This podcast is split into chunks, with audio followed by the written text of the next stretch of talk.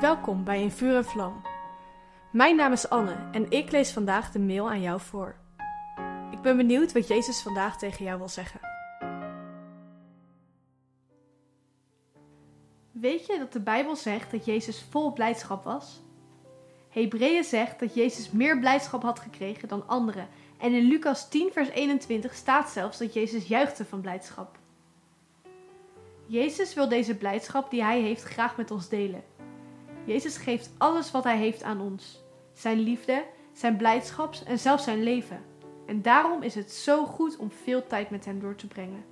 Aan de voeten van Jezus vind je namelijk alles wat je nodig hebt. In Psalm 16, vers 11 staat iets prachtigs. U wijst mij de weg naar het leven.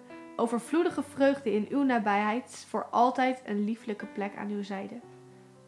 In Gods aanwezigheid is overvloedige vreugde.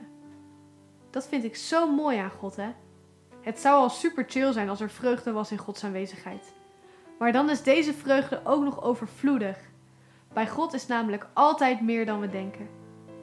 God is dus onze bron van vreugde en doordat Jezus het voorhangsel heeft gescheurd, mogen we weer bij Hem zijn. We kunnen dus stappen uit een oneindige, overvloedige bron van blijdschap. Deze blijdschap van God is niet gewoon een lekker gevoel tijdens een mooi aanbiddingsliedje. Nehemia 8 vers 11 zegt dat de vreugde van God onze kracht is.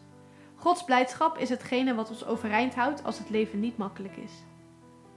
Hoe moeilijk de omstandigheden soms ook zijn, als Gods vreugde in ons hart is geplant, kan niets dat meer stelen. En dan heeft de duivel niets meer te vertellen. Dan kunnen we altijd schijnen voor God. Vraag daarom aan Jezus of Hij zijn overvloedige vreugde aan jou wil geven. Ik weet zeker dat Hij dat dan zal doen. In Filippenzen 4, vers 4 staat: Wees altijd blij in de Heer. Ik zeg het nog een keer: wees blij. Paulus zegt hier tegen de gemeente dat ze blij moeten zijn. Het is dus ook een keuze om blij te zijn met God. Maar waarom zijn we dan blij?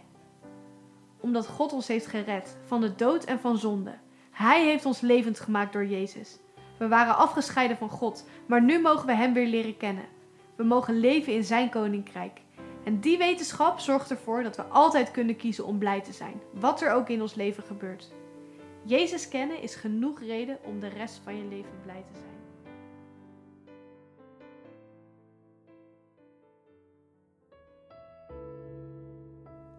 Wat leuk dat je hebt geluisterd naar In Vuur en Vlam. Heeft de tekst je geholpen om God beter te leren kennen? Deel In Vuur en Vlam dan met je vrienden. Meld ze aan op streef.nl slash en vlam.